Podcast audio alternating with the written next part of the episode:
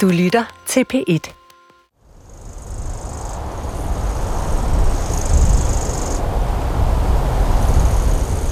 Du er i udkanten af Randbøl Hede. Det begynder med et smalt stykke skov, hvor der dufter af svampe, træ og våde blade efter regnen. Men allerede efter få skridt bliver der længere mellem busker og træer. Landskabet åbner sig, og lyset fylder det hele. Den fede skovbundsluft opløses. Har et tørre, og duftene bliver sværere. Og underbevoksningen ændrer sig. Har pludselig lave, tætte tyttebærplanter, der klemmer sig ud mellem filtret og grå, krøllede lyng.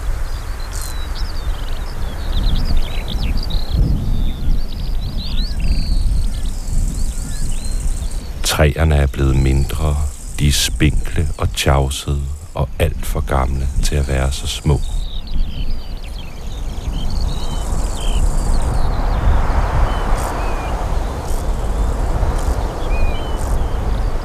Du kommer op over en bakkekam, og med et strækker heden sin flade vidt ud foran dig.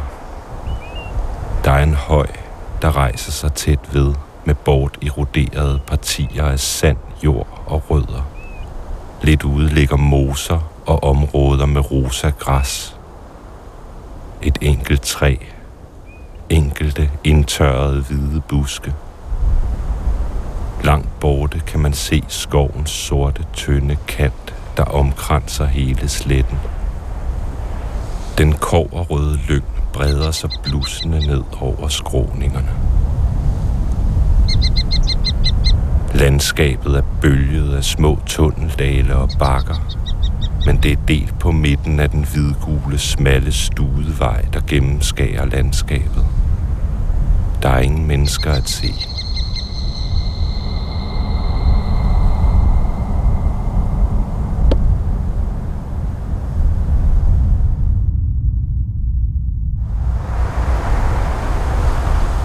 Skyggerne glider hen over de bløde bakker. Landskabets blide gyldne lys. Den lune luft. Fladen er plettet af små hvide hulninger, som vinden har fejet rene. Jorden er enten sort og hård, eller den er lysende hvid og sandet.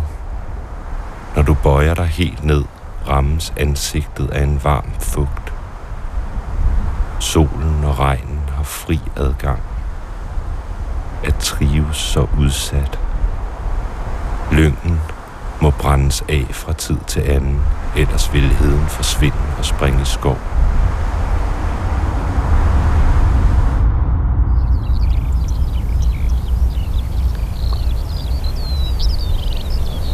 Der står et enligt fyretræ midt ude på heden, med en krone, der er flad og fyldig som en pinjes.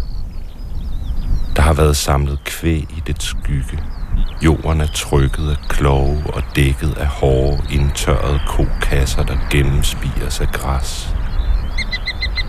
En falk muser i nærheden over det åbne. Den afgiver en spids lyd, så styrt dykker den og forsvinder. Det er umuligt at vurdere disse enlige træers alder. De kunne være meget gamle. Hver eneste ændring i fladen er grundlag for en egen verden. På en rund tue, der buler op, vokser småbuske, og på en tyttebærgren står en sort og gul lodden sommerfuglelarve bumstille. Måske er den ved at forpuppe sig.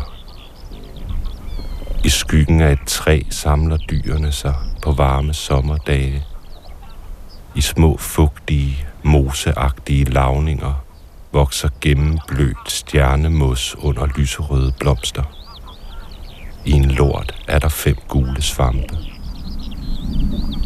Og Marie høne koppen med den fluorescerende orange krop er her et sted. Det er den yderste udkant af dens udbredelsesområde. Den kan kun leve på hedens varmeste sydvendte skråninger.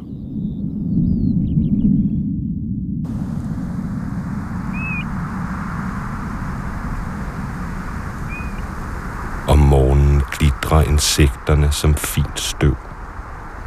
Du lader dig føre ind over heden, som lader sig føre ind gennem dig. Insekterne snurrer i den solvarme, tørre vegetation. Fra studevejen forgrener sig hundredvis af smalle spor, miniatyrveje, gulligt hvide sandlinjer, dyreveksler, der skærer sig ind i tørmassivet, bliver usynlige under den overhængende lyng og kommer til syne igen lidt længere fremme. Insekternes, smågnævernes og græsædernes ruter, der alle på hver deres måde er tænkte, bevidstlige. I en anden tid vender flokke af rener med skinnende blank pels sølvigt synkront i lyset som store stimer af fisk på en endeløs slette.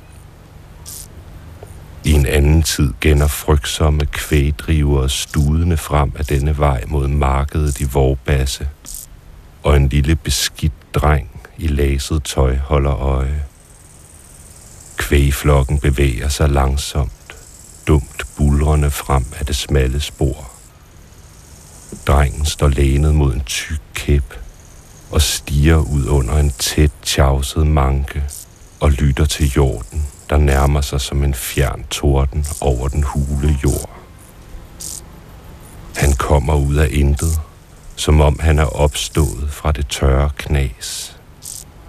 Der er hvide striber i hans ansigt, der hvor han har svedt, og hvor hans næse har løbet.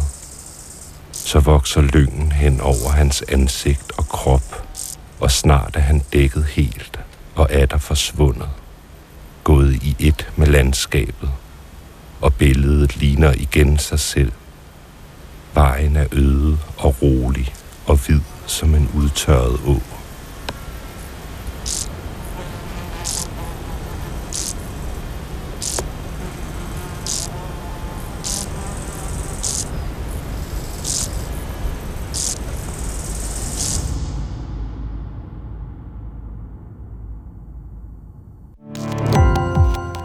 Gå på opdagelse i alle DR's podcast og radioprogrammer. I appen DR Lyd.